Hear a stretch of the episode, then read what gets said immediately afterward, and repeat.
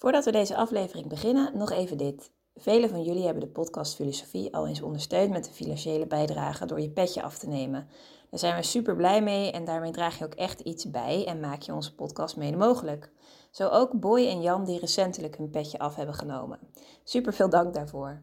En wil jij ook als trouwe luisteraar ons een steuntje in de rug geven en ervoor zorgen dat we nog lang door kunnen gaan? Kijk dan op petjeaf.com slash podcastfilosofie.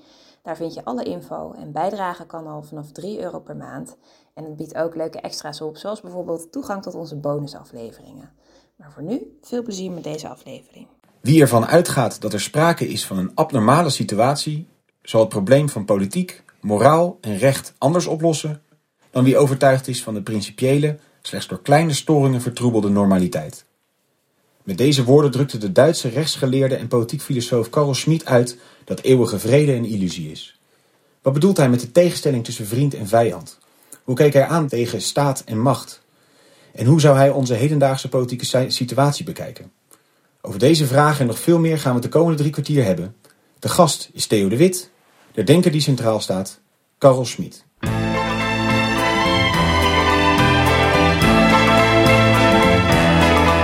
Où le me le dos. Dag, mooi dat je luistert naar deze nieuwe aflevering van de podcast Filosofie van het Centre Erasme, School voor Filosofie in Zuid-Frankrijk, Vlaanderen en Nederland. Mijn naam is Allard Amelink. Het concept van deze podcast is simpel. Er is een hoofdgast, er is een sidekick en een presentator. En in ongeveer 45 minuten duiken we in het denken van één filosoof. Naast mij zit uh, Letitia Hoebe, de sidekick voor vandaag. Dag Letitia. Dag, leuk om er te zijn. We hebben uh, een kamer met misschien het minst inspirerende uitzicht wat we tot nu toe hebben gehad. Namelijk een afgesloten ruimte zonder buitenlucht. dus uh, als we halverwege onze stemmen wegvallen, dan komt het door een gebrek aan zuurstof. Maar dat, dat moet helemaal goed komen, denk ik. want we hebben een boeiende gast tegen ons over, tegenover ons zitten. Theo de Wit, politiek filosoof en bijzonder hoogleraar aan de Universiteit van Tilburg. Welkom Theo. Dankjewel. We gaan het eh, vandaag hebben over Karl Schmid. Hij was een eh, Duitse rechtsgeleerde en politiek filosoof. Die leefde van 1888 tot 1985. hij is buitengewoon invloedrijk en buitengewoon omstreden. Omdat hij uh, vooral in uh, enkele beginjaren vooral werd gezien als jurist van het naziregime. Nou, over beide elementen zullen aan bod komen. Theo, Schmid zag zichzelf vooral als een, zeg maar, een analyticus van zijn eigen tijd, van zijn eigen politieke omgeving. Um, kunnen we toch zeggen dat hij ook gedachten heeft die universeel relevant zijn? Nou, universeel, dat woord zou Schmid niet zo snel gebruiken. De context is heel belangrijk hè, bij Schmid altijd. Dan zou ik zeggen, er zijn een paar dingen die dan heel erg van belang zijn. Natuurlijk, zoals veel anderen ook, of iedereen misschien wel, was die hele Eerste Wereldoorlog in al die massavernietiging ook een culturele crisis van enorme omvang. Dus iedereen zat eigenlijk het gevoel, we moeten helemaal opnieuw beginnen. Daar is, alleen maar chaos over. Dat speelt heel erg bij, bij, bij zijn, in zijn denken. En wat hij ook heeft meegemaakt, volgens sommige biografen is het zelfs heel erg, heeft het hem geweldig gestempeld. Dat is de Radenrepubliek in München in 1919, die maar kort heeft bestaan, die bloedig is uiteengeslagen of is uh, eigenlijk vernietigd. En hij was daar getuige van. Dus wat hij daar eigenlijk zag was, ja, de staat kan ook zomaar worden aangevallen door groepjes met gewelddadige middelen. Ook dat heeft hem geweldig ge, ge, getekend. En sommigen zeggen ook dat hij behoorlijk onder de indruk was van eigenlijk het Italiaanse fascisme van Mussolini. Dat was ook eigenlijk die tijd, vanaf, vanaf 22. Dat zijn het soort van ja, tijd, ja, tijdgeest, zeg maar, of de mhm. tijdgebonden gebeurtenissen die behoorlijk hem hebben, denk ik, hebben gestempeld. En die ervoor gezorgd hebben dat hij in zijn denken, eigenlijk vanaf de eerste teksten, heel erg nadruk legt op de noodzaak van een sterke staat. Want een sterke staat moet, om zo te zeggen, de maatschappelijke chaos in toom houden. Dat is eigenlijk de gedachte. En dat zit, dat zit vanaf het begin af aan in, in zijn denken. Ja, hij heeft een boekje, De Wet des Status, 1914, dus zelfs nog voor de Eerste Wereldoorlog, of tijdens de Eerste Wereldoorlog, waar je dat al vindt. Mm. Dat de staat toch een soort van overkoepelende macht moet zijn op, van een samenleving. Dus ook in die zin, hè, de, de boekje heet letterlijk Der Wert des Staates und die Bedeutung des Individuums. Dus de, de staat heeft waarde, het individu alleen maar bedeutung, bet- betekenis. Dus dat, dat element van die sterke staat zit, zit eigenlijk, eigenlijk al heel vroeg in zijn, in zijn eh, intellectuele bagage. En je zegt eh, ehm, over eh, traumatische ervaringen, zeg maar. En Ja. staatsorders die worden aangevallen, zeg maar. Ja. Hoe ziet hij die verhouding tussen ja, machten in de samenleving en meningen van het volk dus wat oproert en die staat? Hoe, hoe, hoe is die verhouding tussen die twee dingen? Ehm, een denker die hem bijvoorbeeld uit het verdere verleden geweldig heeft beïnvloed is Thomas Hobbes. Nou, Hobbes, daar geldt ook voor dat die leefde in een tijd van burgeroorlogen met een sterk religieus tint. Sterk religieuze inzet vaak. We weten allemaal, Hobbes heeft daarop geantwoord door eigenlijk een hele nieuwe politieke filosofie op te zetten, waar ook de staat niet langer meer een religieuze eh, legitimiteit heeft of gesanctioneerd is, maar van onderaf. Dat wil zeggen vanuit het volk. Een echt wa- wat wij tegenwoordig een contractidee noemen. Tegelijkertijd is die staat al bij Hobbes een enorme machtige monster.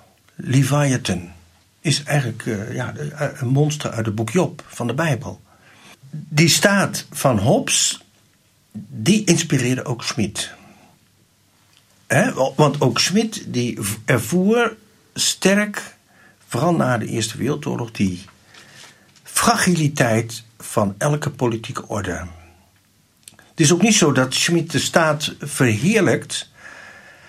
Hij zegt zelfs, ook de staat is een historisch verschijnsel. Kan zomaar verdwijnen. De, de nazistaat, zeg Ja, de nazistaat, zeg maar, ja. Om het zo op plat te slaan. Het is zelfs zo dat hij vanaf 33, zelfs eigenlijk al iets eerder, vanaf 32, dat hij eigenlijk zegt: de tijdperk van de staat is voorbij.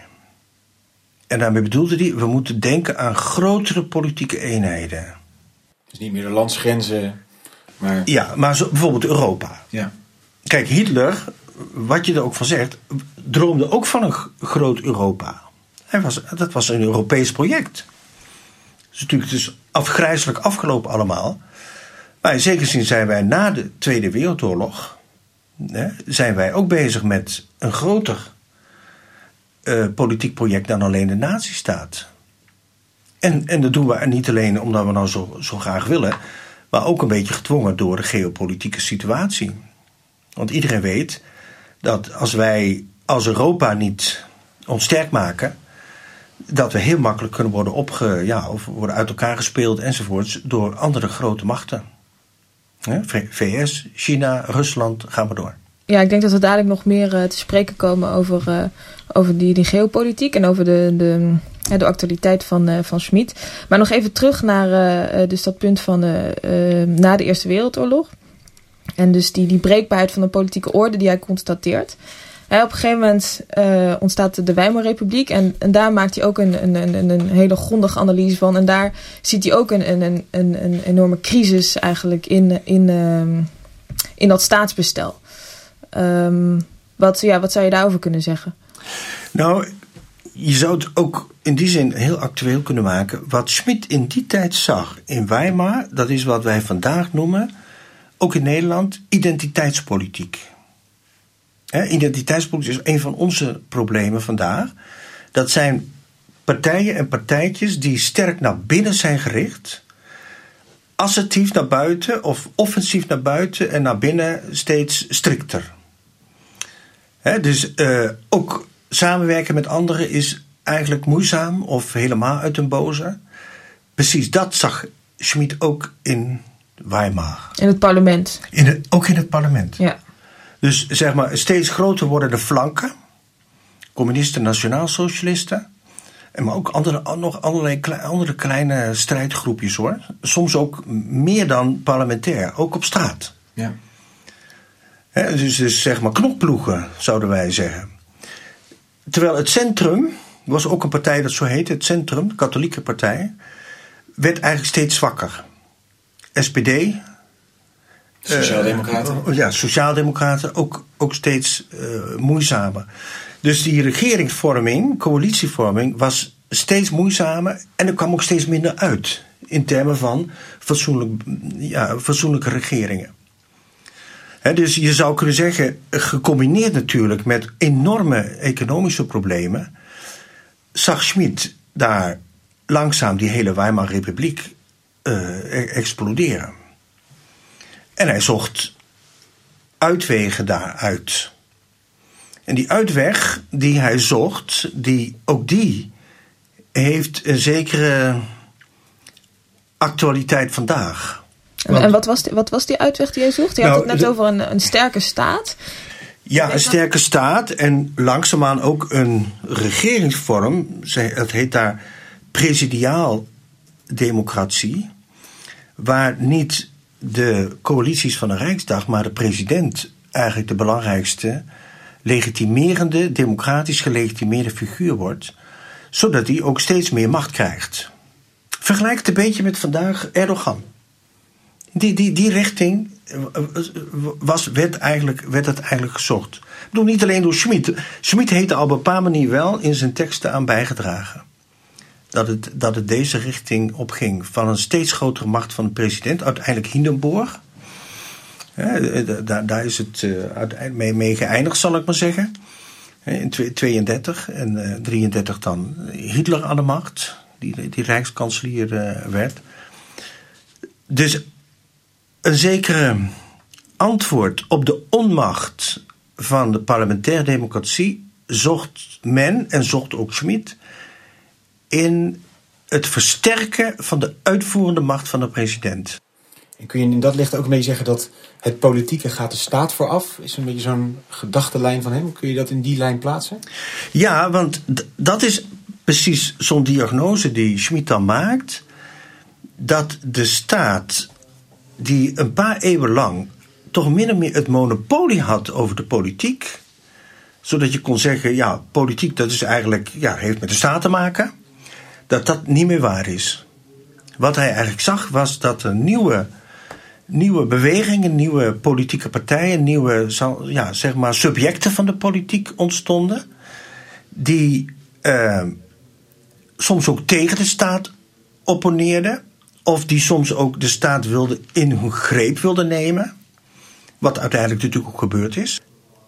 Zodat de staat het monopolie op de politiek kwijt is. En, en, wat, is dan, wat wordt dan precies bedoeld met het politieke? Is dat dan de samenleving of de, de maatschappij? Of een, een bepaalde betrekking of verhouding? Ja, het, het onderscheid dat hij dan gaat maken is inderdaad het onderscheid tussen politiek en het politieke. En dat laatste, dat begrijpt hij dan inderdaad vanuit de samenleving. Je kijkt gewoon in de samenleving waar zijn tegenstellingen zich aan het verhevigen. En die tegenstellingen, zo, zo, constateerde hij, die worden vanuit allerlei gebieden gevoed. Het kan economisch zijn, het kan religieus zijn, het kan etnisch zijn, het kan, je kunt vandaag ook denken ecologisch. Het is natuurlijk evenzeer een mogelijkheid. Dus de gedachte is dat de politiek heeft niet een eigen substantie, zoals Aristoteles bijvoorbeeld dacht, het goede leven. De politiek wordt gevoed vanuit allerlei gebieden die in de samenleving bestaan. En tegenstellingen dus. wat wij tegenwoordig zouden noemen politisering. dus ook bijvoorbeeld, eh, nou, wat wij natuurlijk ook hebben meegemaakt, ook in Nederland. Je kunt ook man-vrouw verhoudingen politiseren. En zeggen, waarom is het evident dat uh, vrouwen altijd die rol hebben? Dat pikken we niet langer. Ook dat is natuurlijk een vorm van politisering die je behoorlijk sterk kunt doorvoeren. Schmid interesseerde zich voor die samenlevings. Uh, ja, associaties en dissociaties noemde hij ze. Die soms zo erg worden dat ze op de rand van de burgeroorlog terechtkomen. En dan gaat het dan over dat vriend-vijand ja, tegenstelling. Dat, dat noemde hij dan vriend-vijand tegenstellingen. Associaties, daar dacht hij dan eerder aan. Ja, vriendschappen, burgervriendschappen. Vriendschappen tussen ja, bepaalde ja, secties, facties, uh, partijen. En dissociaties, die zich van anderen afgrenzen. Dus inderdaad, wat wij ook vandaag identiteitspolitiek noemen, maar dan nog wel een graadje, een graadje eh, pittiger en, en een graadje uh, heftiger. Dus het politieke is eigenlijk dat onderscheid tussen vriend en vijand, zou je het zo kunnen zeggen? Ja, dus een soort van intensivering van betrekkingen, zodat uiteindelijk een vriend-vijand uh, onderscheiding wordt gemaakt. En is dan uiteindelijk het doel om eigenlijk die vriend-vijand op te heffen en dat tot een soort uh, uh, pacificatie daarvan te komen? Nou, Schmid heeft lange tijd gehoopt in de, tijdens de Weimarrepubliek dat de staat niettemin die maatschappelijke turbulentie zou kunnen absorberen. Hij noemde dat op een gegeven moment ook, de, de, de term is nu natuurlijk helemaal taboe geworden, totale staat. Ja, besmet geraakt door het nazisme. Ja, dus nu, to, ja totale staat is eigenlijk een staat die de maatschappelijke tegenstellingen zo weet te overstijgen dat er weer inderdaad weer orde komt, weer vrede en dat de burgeroorlog wordt vermeden. Het is een soort van neutralisering eigenlijk van het conflict in de samenleving. Ja, ja. Dus dat heeft hij lang gehoopt en ten onrechte ook op Hitler geprojecteerd. Alsof hij dat zou kunnen doen. Dat, dat hij dat zou kunnen doen. Dus daar zit natuurlijk een, een gigantische uh, misvatting bij hem. Alleen al omdat de nationaal-socialistische beweging heet niet voor niks zo. Een staat, het woord zegt het eigenlijk al, is eigenlijk iets statisch. Iets wat uh, boven andere staat. Een beweging is, is een nationaal-socialistische beweging, mobilisering daarvan, is constant onrustig, constant en ook geweld, blijft gewelddadig. En dat is natuurlijk bij het nationaal socialisme ook gebeurd. Dus geweld van begin tot eind geweest. En, en dat Schmid dat niet heeft gezien, is natuurlijk een, een ernstige inschattingsfout. Wat hem natuurlijk tot vandaag de dag ja, ook, ook wordt verweten. Ja, en terecht ook. Zijn omstredenheid, zeg maar. Ja, zijn omstreden heeft gemaakt en bijna taboe heeft gemaakt voor, voor vele, ja, eigenlijk decennia. Want over Schmid mocht je natuurlijk na de Tweede Wereldoorlog eigenlijk niet praten. ik heb teksten gelezen, daar dat er werd dan gezegd: uh, Du argumentierst wie Carl Schmidt. Kortom, dat, dat kan helemaal, dat mag helemaal niet. En daarmee was de discussie gelijk over. O, over. ja, Als je dat kon zeggen, jij, jij praat zoals Schmidt, dan, dan had je iemand koud gesteld. Ja, precies. Ja. Schmidt die vond, het vind je in allerlei teksten, dat een staat is politiek wanneer hij zich oriënteert op de mogelijkheid van de uitzondering. En daarmee bedoelt hij de mogelijkheid van maatschappelijke chaos.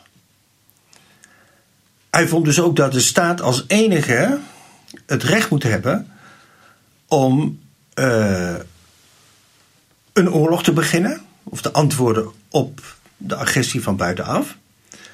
Ook als enige om intern uh, vijanden te lijf te gaan, die de staat ernstig bedreigen. Daar is hij dus heel, ja, heel consequent van. Um, een staat moet van zijn burgers in het ergste geval ook het offer van het leven vragen in een oorlog. Dat kunnen andere, dat kunnen kerken niet doen. Vakbonden kunnen dat niet doen. Of wat voor clubs dan ook kunnen dat niet doen, dat kan alleen de staat. Daarin zag hij dus echt het monopolie van de staat. Als de staat dat verliest, dan zul je onmiddellijk zien, gaan andere groepen hetzelfde doen. Die gaan het eigenlijk opeisen, die, die positie. Die, die gaan die positie opeisen als een soort, ja, bij, als een soort concurrenten. Die gaan als het ware voor zichzelf beginnen. Dus daarom moet die staat sterk zijn, want anders krijg je dus een soort anarchie van allerlei clubs die die positie gaan pakken. Nou, en dat is natuurlijk ook zijn belangstelling voor zulke groepen, die ook later is gebleken bij, in zijn teksten voor guerrilla-groepen. Wat wij tegenwoordig ook terrorisme noemen. Uh, Russische revolutionaire, revolutionaire groepen. Hij heeft een grote belangstelling voor revolutie. Hij heeft zich echt bezig gehouden ook met de communistische revolutie en met ja, die, die notie uit het marxisme, dictatuur van het proletariaat. Dus een soort van partijdictatuur in naam van het proletariaat. Ook dat zijn natuurlijk op een bepaalde manier manieren om een bepaalde macht te vestigen over een samenleving. Dat hebben we natuurlijk in het geval van het Leninisme en Stalinisme ook geweten. Ook, ook dat is een soort van ehm, ja, nieuw primaat van de politiek. Nieuw primaat van de staat over de samenleving. En hij keurde dat dus eigenlijk af. Hij was die, dat vond hij problematisch, die groeperingen. Omdat dat dus het gezag van de staat ondermijnde. Ja, omdat het uiteindelijk natuurlijk het gezag was van een partij. Ja.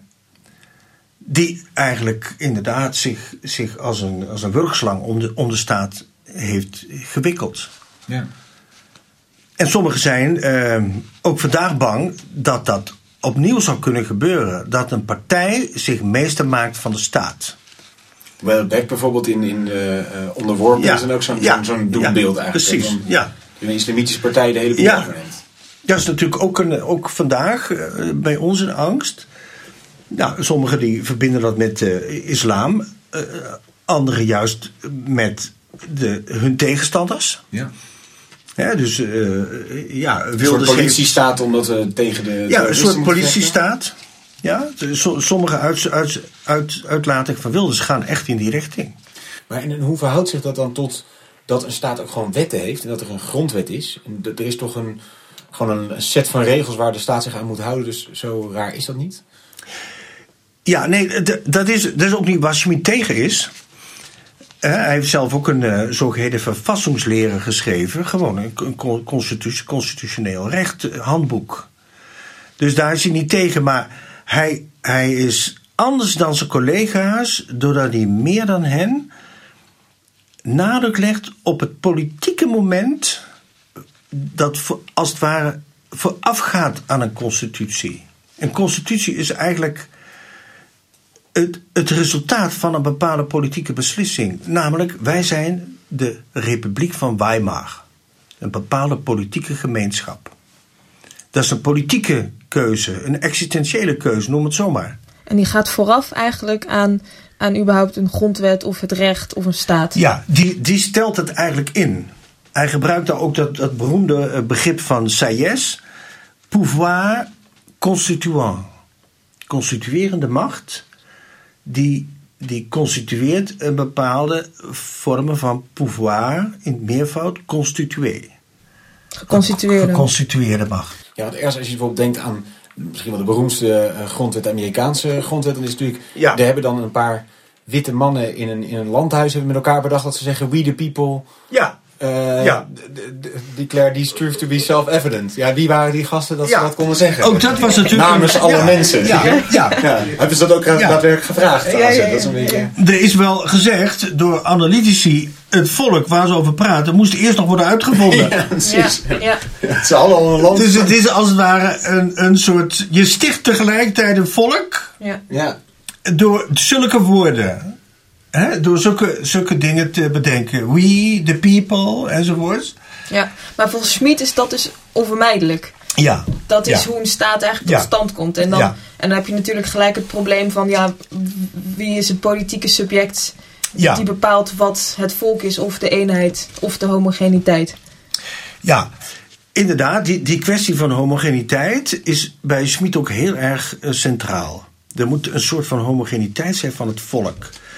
Ik moet zeggen, toen ik destijds dat allemaal las en mijn proefschrift over Schmid schreef, was dat een van de dingen waar ik de grootste moeite mee had. die homogeniteit van Ja, de- de- ja. het volk, zeg maar. Ja, want dat kan natuurlijk heel snel tot allerlei behoorlijk ernstige uitsluitingen leiden. Zodra je dat gaat zeggen, homogeniteit, we zien het ook weer terugkeren nu. eh, kan, het, kan het zijn dat je zegt van ja, homogeniteit, dat betekent. eh, bij Schmid kan het ook betekenen eh, zelfs etnische homogeniteit. Ja, met zijn nazi eh Ja, vervolg, ja. zeg maar, dat de joden daar in ieder geval niet bij horen. Ja, precies. Ja. Dat heeft hij, die consequentie heeft hij ook getrokken in die, in, vanaf de jaar 33, toen hij nazi-functies kreeg. En waarom is die homogeniteit dan zo belangrijk? Wat, wat... Nou, kijk, er zit, er zit iets in waar je hem eigenlijk gelijk moet geven. Dat heb ik eigenlijk vooral van Rousseau geleerd. Kijk, het is eigenlijk in zekere zin heel eenvoudig. Als je zegt, in een democratie moet de meerderheid beslissen over wat wetgeving wordt. Hè? Wat wij zeggen. Ja, als, als de parlement, parlementaire meerderheid is, dan, dan komt die wet er. Maar de moeilijke vraag daarbij is: waarom zouden minderheden dat accepteren? Nou, Rousseau heeft daar het antwoord al. Opdat ze het accepteren, moet er een zeker vertrouwen zijn in de hele samenleving dat de meerderheidsbeslissing misschien de volgende keer aan mijn kant valt. dat ik mijn verlies kan nemen omdat ik vertrouw. De volgende keer ben ik misschien degene die, die, die wint. Die een bepaalde wetgeving eh, erdoor krijgt. Met andere woorden, er is een zeker vertrouwen nodig. Anders ga je natuurlijk niet de meerderheidsregelen invoeren. Nee. Want dan, dan Als je je altijd in de meerderheid zit, dan denk je, ja, dat moet je niet hebben. Nee. Dus daar moet een, een zekere mate van vertrouwen zijn van, bij minderheden. Dat ze delen met de rest van de bevolking. Zodat je kunt zeggen, wij accepteren de meerderheidsregel. Daar, heeft uh, Rousseau het over. En dat speelt vandaag bijvoorbeeld ook in Europa. He, bepaalde beslissingen moeten met, met, met algemene stemmen genomen worden. Waarom? Omdat er te weinig vertrouwen is. Als je kunt zeggen de meerderheid beslist, dan, dan kan dat alleen maar als het vertrouwen daar is. En die homogeniteit is dus belangrijk om dat vertrouwen te creëren eigenlijk. Dat je weet, ik zit een beetje met dezelfde type mensen in, in de club. Ja, zeg maar. ja. Dus uiteindelijk zijn het ons soort mensen. Ja, ja precies. de, dat is eigenlijk. Uh, en zo kan ik ook accepteren. Nou, in Amerika is dat natuurlijk ook lang goed gegaan. Er komt een nieuwe president, dit keer is het een democratisch of een, enzovoort. En iedereen accepteert dat. En dat betekent uiteindelijk is dat een, een blijk van vertrouwen. Oké, het volk heeft gesproken. Nou, een nieuwe president, dat aanvaarden wij. Dat zie je natuurlijk niet altijd gebeuren. Kijk wat bijvoorbeeld op het ogenblik in bepaalde Afrikaanse landen gebeurt. Daar zie je gewoon, ja, daar is dan een meerderheid, een, een winnaar. Maar onmiddellijk gaat het verhaal over fraude. Misschien is er ook fraude. Ook al is er geen fraude, kun je ook dat de, de meerderheid of de, de, de, de keuze van de meerderheid wantrouwen. Kortom, voor je het weet heb je een burgeroorlog. Ja.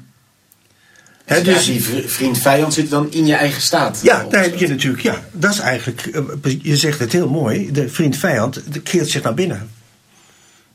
En heb je daarom altijd die vriend-vijand ook naar buiten toe nodig? Is dat zeg maar hè, om de dynamiek van nazisme, dat je, je moet het projecteren op de communisten en op de joden om te zorgen dat je binnenshuis ja. elkaar... Uh, ja, ook dat is een heel, heel veel bediscussieerd probleem bij Schmid. Veel mensen zeggen van. Schmid deugt niet, want. Je hebt altijd een vijand nodig bij hem. Een, een samenleving heeft altijd een vijand nodig. Als dat zo is, dan. Ja, zeggen ze dan, is de volgende stap van dan, dan is er geen hoop. Want dan, zit, dan blijven we daarmee zitten. Met een of andere. Hè, want vijand, vijandschap is niet bij, bij Schmid zomaar ja, een beetje tegenstanders zitten spelen. Nee, dat kan ook oorlog worden. Ja. Hè, dat, kan, dat kan oorlog worden. Schmid heeft zelf ooit gezegd, dat is natuurlijk een heel grappige uitspraak. Of grappig, misschien helemaal niet grappig, maar heeft ooit gezegd: Ik denk, dus ik heb een vijand. Ja, nou had hij inderdaad veel vijanden, overigens ook veel vrienden. En hij accepteerde dat. Hè? Denken is altijd. Toch iets pointeerd, zeggen ze in Duitsland. Er zit een pointe. En die pointe wordt nooit door iedereen gedeeld. Ja, dat moet je aanvaarden. Hij aanvaarde dat als theoreticus ook. Als je alleen maar dingen zegt met mail in de mond of die iedereen kan onderschrijven, zeg je niks. Nee in die zin is zijn, zijn, zijn teksten zijn altijd, hebben altijd iets spannends. Er staat altijd iets op het spel. Hij, zegt nooit, het is nooit vage uh, praat. Ook dat is altijd voor mij heel aantrekkelijk geweest in zijn, zijn, zijn, zijn teksten. Dat, uh, dat klinkt een beetje als, uh, uh, ja, misschien een beetje simpel gezegd, als, als Hegel, zeg maar. Die tegenstelling en het, en het proberen die op te heffen. Of, of zit dat toch juist anders? Ja, Schmid had een, grote bewondering voor Hegel. Ik noemde eerder al Hobbes, maar ook voor, voor Hegel. En toch is er een, een behoorlijk cruciaal verschil. Inderdaad, Hegel in zijn teksten, die heeft het altijd over dialectiek. Het, is ook een soort, het gaat ook over tegenstellingen, these, antithese. Dus Hegel had veel oog voor wat ze wel noemen het negatieve in de geschiedenis. Inderdaad, vijandschap, moordpartijen, uh, oorlogen, burgeroorlogen. Meer dan andere liberale denkers van daarna. Maar bij Hegel, als je dat leest, uiteindelijk komt het goed. Hij, hij, er komt een climax. Er komt, er komt ergens een climax, er komt een synthese, er komt een. De vernoemd, de redelijkheid zal uiteindelijk overwinnen. En daarmee ook een bepaalde ideale samenleving, de liberale democratie, de, de rechtsstaat. En de rechtsstaat is precies wat het woord zegt, die kan worden aanvaard door de burgers, omdat ze het ervaren als hun eigen normen en niet opgelegde normen.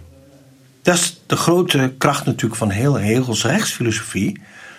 Dat daar de, de staat niet zomaar een, ja, een soort vreemde monsterlijke macht is die over ons heerst. Maar dat je kan zeggen: nee, dat is onze staat. Wij onderschrijven deze normen en waarden, laten we zoals we tegenwoordig zeggen. Het is, het is onze staat. Ja, zo, zo klinkt het al iets minder als, uh, als Schmid. Ja, want Schmid gelooft daar niet in. Nee. En daar zit het, het grote verschil dat de uh, negativiteit in de geschiedenis is bij Hegel uiteindelijk, ja, zoals hij zelf zou zeggen, een moment. In een, in een grotere, hogere beweging. Schmid heeft een veel radicalere opvatting over, uh, ook over menselijke slechtheid. Negativiteit in, in deze zin. Dus daarmee voert hij ook af en toe discussies over, ja, over filosofische antropologie. Is de mens slecht, goed? Is de mens gevaarlijk? Is de mens uh, zondig? Is de mens dat, dat soort dingen? En daar staat hij behoorlijk uh, tegenover Hegel. Die veel optimistischer eigenlijk Ja, eigenlijk, eigenlijk optimistisch. Een beetje typisch ook 19e eeuws. He, de, ook, ook Marx had dat optimisme. Ja, dat zou het in de communistische heilstaat eindigen. Ja, daar, daar eindigt het in de communistische heilstaat. Hè. Ik, ik las ooit een tekst van Marx over India. De, wat de Britten in India uit, uit, uit. Typisch Marx. Eerst doet hij een genadeloze analyse van wat de Britten daar kapot gemaakt hebben. De hele economie eigenlijk kapot gemaakt. En als hij daarmee, daarmee klaar is, dan gaat hij vervolgens zeggen van... Maar dit alles is nodig zodat het inderdaad het kapitalisme over de hele wereld gaat verspreiden. En uiteindelijk wij terechtkomen in een nieuwe klasseloze samenleving. Een soort doel middelen inderdaad. Ja, van... uiteindelijk, uiteindelijk wel. Uiteindelijk komt het allemaal goed. Ja, het, Jammer uiteindelijk voor die Indiërs die er dan op dat moment zitten. Die zullen weer, uh, uiteindelijk is dat een, een troostpraatje. Ja. Ook bij Marx. Ook daar is die echt 19e eeuw. Klinkt bijna religieus eigenlijk. Ja, nee, dat is het natuurlijk ook. Dan, dan, Ze zeggen ook vaak Hegel, dat is gewoon theodicee. Waar de theologen altijd over hadden. Theodicee, dat betekent... Uiteindelijk wordt alles gerechtvaardigd in het licht van God. Ja, en, en voorzienigheid. Een soort voorzienigheid. nu dan verdwenen, maar is het de communistische helstaat of weet ik wat dan in dat Ja, of het vooruitgangsideologie. Uh, dat Marx natuurlijk had, Hegel op zijn manier ook. En die hebben we vandaag in Nederland nog steeds. Want het doet denken natuurlijk ook aan, uh, aan Francis Fukuyama, die op het, uh, aan het einde van de Koude Oorlog zei van we zijn nu eigenlijk inderdaad aan the end of history, nu zijn alle problemen opgelost. En daar zit ook een beetje een beeld achter dat politiek een soort het oplossen van technische problemen is, is geworden. Ja, hoe zou Schmid daar tegenaan kijken? Misschien nog steeds als een, een deel, hè, dat we zeggen, als we het politiek oneens zijn, zeggen we nou, laten we er een uh, onderzoeksrapport over maken en dan uh, zullen we horen wat het antwoord is, zeg maar. Dat veronderstelt een beetje dat het ja. een soort rekensommen zijn. Nou, misschien is Nederland de laatste, zeker de laatste 20, 30 jaar, wel een prachtig voorbeeld van wat Schmid in het boekje Begrip Politiek aan het eind analyseert als liberalisme. Dan zegt hij, liberalisme is eigenlijk de, het verlangen en de poging om uiteindelijk alle politieke vraagstukken te reduceren. Aan de ene kant tot morele problemen, aan de andere kant technisch-economische problemen. Politieke problemen zijn er dan niet meer. Dus we hebben een aantal ethische dossiers. Hè, die gaan natuurlijk over ja, allerlei pijnpunten. Tegenwoordig voltooid leven, of dat gaat over uh, medische ethiek, hè, allereerst. Maar misschien ook een beetje business ethics. Ja. Ethische problemen. En aan de andere kant kunnen we de dingen oplossen door technische aanpassingen. Technische, economische investeringen en Koopkrachtplaatjes. Ja, dat, dat soort dingen. En de politiek is in zekere zin dan overbodig. Wat wij dus nu zien is ook een beetje, maar dat is dan op mijn eigen rekening. Dat is, niet namens Smit en Nee, dus, dat is de grens daarvan. Ja. Dat we langzaam erachter komen, oké, die economische uh, ja, zeg maar logica en vrijheid heeft geleid tot een soort globale economie. Een beetje zoals Marx eigenlijk al voorspelde. Uh, met allerlei gevolgen voor plaatselijke politieke gemeenschappen. Die beginnen aan te voelen van hé, hey, wij worden geregeerd door onzichtbare machten. Die wel macht hebben, maar geen verantwoordelijkheid willen nemen.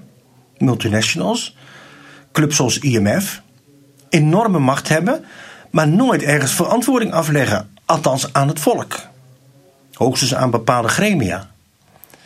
Dus eigenlijk dus de vertegenwoordigende functie van, van, van de politiek valt eigenlijk weg. Ja, ja. Maar wij worden, nou, in Nederland hebben wij natuurlijk ook een beetje mee. Ik, ik heb wetgeving gehoord waar het om ging. Dat Amerikaanse investeerders die wilden bepalen garanties dat hun investering in Nederland niet door de politiek ongedaan zouden kunnen worden gemaakt, bijvoorbeeld om ecologische overwegingen. Dat betekent gewoon de politiek buitenspel zetten. Ja. Want anders komen we niet. En dan hebben jullie geen werkgelegenheid enzovoort. Dat is dan natuurlijk het praatje. Of we vertrekken. Dus wat het bijvoorbeeld in de huidige paar regeringen ook, ook gaande is, dat wij beginnen te voelen, als burgers ook, van hé, hey, hoe ver strekt de macht eigenlijk van zulke multinationals als Shell of Unilever, of, zonder dat wij het eigenlijk, eigenlijk echt weten of echt, echt daar iets over te zeggen hebben? En als we deze parallellen nou een beetje zien, de, en de, een beetje de crisis waar inderdaad dan de, de politiek en uh, de staat misschien in verkeert, en ook in verhouding tot Europa, wat zou, wat zouden de richtingen zijn om vanuit Smit zeg maar, daarover door te denken? Ik bedoel, de, de oplossing waar hij ingestapt is, dat moeten we niet aan toe, zeg maar. Ik bedoel, hij, koos natuurlijk uiteindelijk dus voor die sterke staat, voor die sterke leider, die dan die homogene groep moest gaan leiden. Nou goed, dat weten we hoe dat allemaal extreem bloederig en uh, vreselijk geëindigd is. Wat zou wel lessen kunnen zijn die we daaruit trekken? Ik zelf denk toch wel dat wij een terugkeer van de politiek beleven. En ik vind dat eigenlijk nodig. Ook de politiek als ordeningsfactor. als een, politiek is natuurlijk uiteindelijk de ordening van de samenleving. zodat het vreedzaam blijft, dat is één. Maar ook zodat uh, mensen zich gehoord voelen dus hoe, hoe, hoe onmachtiger mensen zich voelen, hoe meer de neiging is ook om een autoritaire leider te omarmen. En zou, je, zou je dan kunnen zeggen dat, uh, misschien heb je daar concrete voorbeelden van, dat we nu in Nederland dat er eigenlijk nieuwe vormen van politieke strijd in de, in de maatschappij ontstaan en dat er een behoefte ontstaat om dat te neutraliseren en omdat de overheid of de staat dat niet doet, gebeurt dat op andere manieren. Zoals bijvoorbeeld door een, door een autoritaire leider of. of... Ja, ik, ik zou inderdaad uh, vormen van politieke activiteit en participatie op het, op het allerlaagste niveau willen beginnen. te beginnen met je eigen stad, of je eigen wijk. Dat geeft vaak al veel vertrouwen, omdat je dan die anonimiteit een beetje kwijtraakt van, van politiek. En die homogeniteit misschien ook wat sterker gevoeld ja, dus, dus een zekere cohesie begint, eh, begint weer te voelen. En dat kan, dat kan gebeuren met heel eenvoudige dingen. Eh, samen dingen doen, samen volkstuinen, samen desnoods barbecues organiseren. Zodat je in elk geval weet met wie woon ik eigenlijk in mijn eigen wijk. Dat is, dat is belangrijk, dus het is iets onderschats. Want als jij niet weet op je flat wie zit eigenlijk naast mij. En je, je begint wantrouwen te ontwikkelen. Hè? Wat veel gebeurt. Hè? Omdat je denkt van, dan komt elke keer andere mensen. Wat is dit? Dus daar begint eigenlijk ook het, het opbouwen van vertrouwen op het, op het allerlaagste niveau. Ik denk zelf dat als je dat ervaart, je ook minder de neiging hebt om zo'n nieuwe charismatische politicus van het type Wilders of Baudet te kiezen. Dat doe je eerder uit onmacht, omdat je het gevoel hebt: naar mij wordt sowieso niet geluisterd.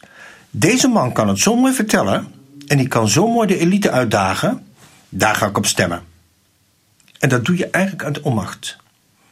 Omdat je, je, je denkt eigenlijk: ik kan het niet, maar hij kan het wel. Dat is een, een historisch voorbeeld ook van heel lang geleden. In, in tweede helft van de 19e eeuw, 1850, kozen plotseling mensen Napoleon III in Frankrijk. Iedereen was verbaasd. Hoe komen al die boeren nou? Waarom gaan al die boeren, want Frankrijk bestond vooral uit boeren, kiezen die nou die rare Napoleon III, wat een, een, hele rare uh, vliegenfluiter was? Die werd daar ineens. Die, er is daar een dictatuur geweest van 20 jaar lang in, in Frankrijk een prachtige analyse van Karl Marx over wat daar gebeurd is. En die gaat precies hier over. De boeren hadden geen cent te vertellen. Hij beschrijft ze als een zak aardappelen. Ze hebben niks met elkaar te maken, allemaal een klein stukje, eh, een klein een boerderijtje. Ze waren niks politiek gezien. En ineens hadden ze het gevoel: als we deze man kiezen, zijn wij iemand. Gevolg: een dictatuur van 20 uh, jaar. Daar zie ik de parallel met hedendaagse verschijnselen van het type Bolsonaro. Uh, nou, Erdogan natuurlijk, uh, Poetin op een bepaalde manier. Uh, maar dat kan ook hier gebeuren, in ons eigen land. Wat dat betreft ben ik illusieloos. Ik, dat kan zomaar gebeuren. Dus het, het tijdperk van, van de eeuwige vrede is, en, de, en de VN, dat is misschien een beetje aan het aflopen en de mensenrechten? Nou, in ieder geval is dat alles heel erg in de verdediging op het ogenblik. Wereldwijd. Ik zeg dat niet uh, met plezier hoor. Ik ben natuurlijk zelf opgevoed als typische ja, exponent van de jaren zeventig met onze toekomst is de Verenigde Naties. Een bepaalde organisatie die daaruit voortkomen. Onze toekomst is uh, samenwerking. Eh, bijvoorbeeld via onderling afhankelijkheid. Je vindt eigenlijk bij, bij Kant vind je al gedachten van. Als de mensen nou economisch maar van elkaar afhankelijk zijn, maken ze geen oorlog. Ook, ook dat is niet helemaal waar gebleken. vandaag zien wij bijna eerder dat mensen bang zijn voor bepaalde economische afhankelijkheid, bijvoorbeeld van Rusland. Met die pijplijn bijvoorbeeld nu, hè? Om, omdat het dan ons chantabel maakt. Dan kan Poetin zeggen: Oh, willen jullie daar niet in meegaan? Ga je de gaskraan dicht? Gaskraan dicht. Dus dan. Dus die gedachte dat wij, als we maar economisch ja, interdependent zijn, dat er dan vrede komt, is, is misschien ook een uh, illusie. Maar ik ben wel sterk voor Europa, want Europa is ook het antwoord op de machtsvorming van anderen. En die zin vind ik types als Baudet geweldig naïef. Op het treurige af dat ze dat niet zien. Dat we ons op het eilandje Nederland moeten terugtrekken, dat het daar ja, beter wordt. En Wilders is natuurlijk nog erger. Vind ik uh, eigenlijk politiek ongelooflijk naïef. Ik weet niet waar dat vandaan komt. Dank. Volgens mij, uh, ja, het is niet heel opbeurend. Misschien dat een beetje... Uh, misschien nog iets om af te sluiten. En als je dan nog denkt, god, dit alles bouwt op tot een climax waarin het uiteindelijk allemaal toch goed komt vanuit smart geredeneerd is niet. Dus, maar ik denk, we hebben een paar dingen gehoord volgens mij.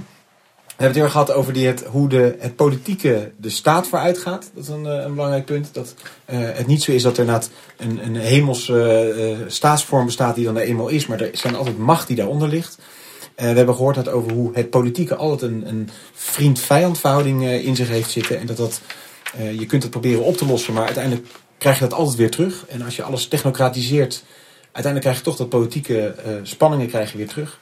We hebben gezien hoe de invloeden van Hobbes zijn, van hoe Marx daar toch deels en Hegel daar deels op lijken, maar anders zijn dan dat die wel geloven dat er een oplossing komt. En we hebben ook in ieder geval gezien dat de politieke uitvoering van uh, Schmid, dat die daar in ieder geval niet uh, navolgbaar is. Omdat het te veel het hel leggen bij één persoon dan uiteindelijk tot een, een dictatuur leidt die uiteindelijk nog meer ellende veroorzaakt. Dus volgens mij zeer interessant. dankjewel Letitia voor je, je sidekick ja, zijn.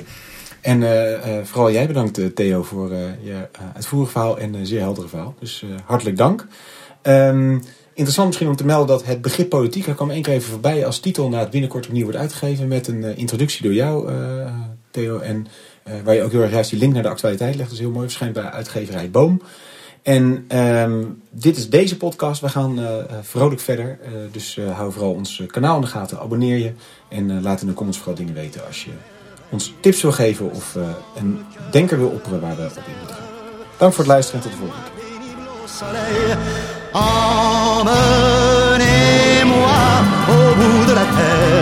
Emmenez-moi au pays des merveilles. Il me semble que